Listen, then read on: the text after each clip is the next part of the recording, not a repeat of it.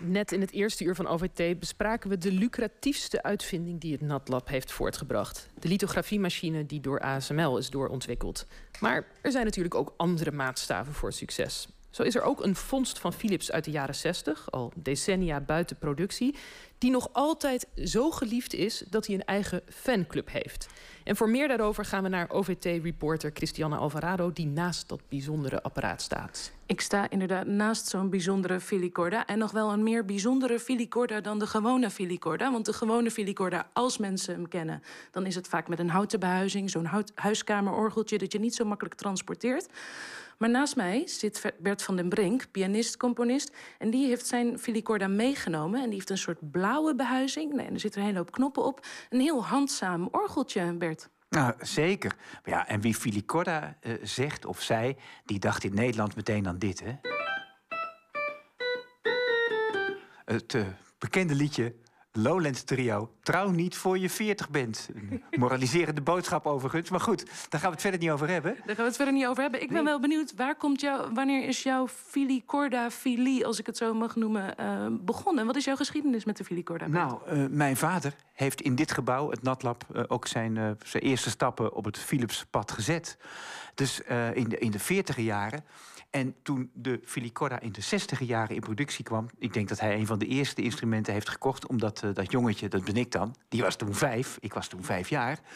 ja, die vond dat natuurlijk hartstikke leuk. Dus ik heb vanaf mijn vijfde jaar al uh, die instrumenten bespeeld. Deze is uit 1969, ik was inmiddels elf... En dat is een, inderdaad een portable versie. Dus een vinyle behuizing met poten aan de zijkant... die je er makkelijk op, op kan zetten. En uh, daar heb ik heel veel mee gespeeld. En ik heb hem onlangs laten opknappen. Want hij was een beetje, nou ja, vergeten eigenlijk. En sindsdien uh, loopt het positieve helemaal uit de hand met dat ding. Echt geweldig. Dus jullie waren er vroeg bij met de filicorda. Je, had, Nou, je zat op de eerste rij uh, eigenlijk ervoor. Ja. En dit was je eerste filicorda ook? Nee, nee, nee. De, de eerste was uit 1964. Nee, ja. En dit is eentje uit 1969. Ietsje, maar praktisch hetzelfde eigenlijk. En ja, want deze filicorda is inderdaad eind jaren 50 hier in dit gebouw, in de legendarische kamer 306 wordt het genoemd, waar met geëxperimenteerd werd met elektronische muziek. Daar is dit orgeltje ook een uh, voortvloeisel uit. En hoor je dat nou ook hierin, dat hier een soort uh, elektrische revolutie uh, van het orgel plaatsvond of zoiets? Ja. Nou, dat, dat, is moeilijk te zeggen. Het is ook moeilijk te, te bedenken wat zij gedaan hebben. Wat ik zelf zo leuk vind aan dit instrument is dat het eigenlijk helemaal. Het is, het, het is eigenlijk niks. Het is, het is zo simpel. Je hebt. Laat ze wekken een. Nou, het, bijvoorbeeld gewoon zo'n toontje. En die kan die kleuren wat veranderen. Dat zijn andere knopjes, nou een beetje. Uh, uh, uh, of piep, piep, piep. Ja, want er zit een hele reeks knoppen op waar Bert ondertussen heel snel op drukt. Uh, en ook nog een hele hoop draaiknoppen. Um, en uh, wat is nou het geheim van die filicorda goed te bespelen? Je hebt volgens mij wel eens gezegd, je moet door het cliché heen spelen. Nou ja, ik weet niet wat het cliché is, ik weet niet hoe je daar doorheen speelt... maar wil je toch een demonstratie geven? Nou, het cliché van de filicorda is wat, uh, wat mensen ervan gemaakt hebben. Dus uh, in alle huiskamers stonden deze dingen. Ze waren klein en, en, en, en nou ja, je kon ze makkelijk, weet je wel, kopen misschien ook. Het was niet al te duur. Mm. Dus mensen gaan dan spelen en die doen misschien... Doe alle knoppen open, want dat is de enige manier waarop hij geluid maakt. Een beetje vibrator erbij.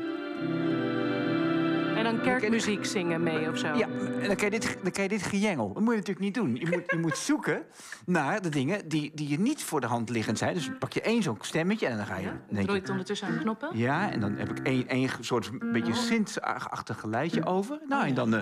Oh, nog wat knoppen worden ingedrukt en dan?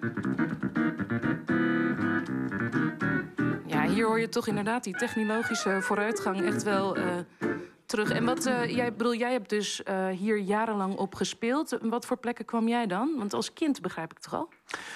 Ja, de allereerste keer was ongelooflijk. Moest ik meteen een, een kerstnachtmis spelen in een klooster in Werkhoven bestaat nog steeds trouwens, dat gebouw ook. Uh, want het verhaal was, ja, het was ook mijn eerste keer dat ik daar speelde... en het harmonium wat ze daar hadden, kon de volle kerk niet, uh, niet aan qua capaciteit. Oh, zei mijn vader, neem maar gewoon een filicorda mee, versterker erbij. Hard zat. en dat was, dat was de allereerste keer. En moest Voor je daar wel het cliché uh, spelen? Nou, daar speelde ik echt gewoon nee. Want ik moest echt de, de, de, de nacht weer allemaal knopjes dus het was iets van...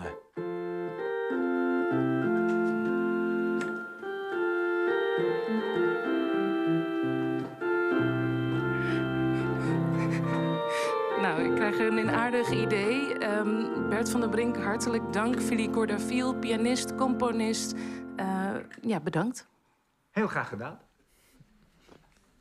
En dan gaan we terug naar Julie.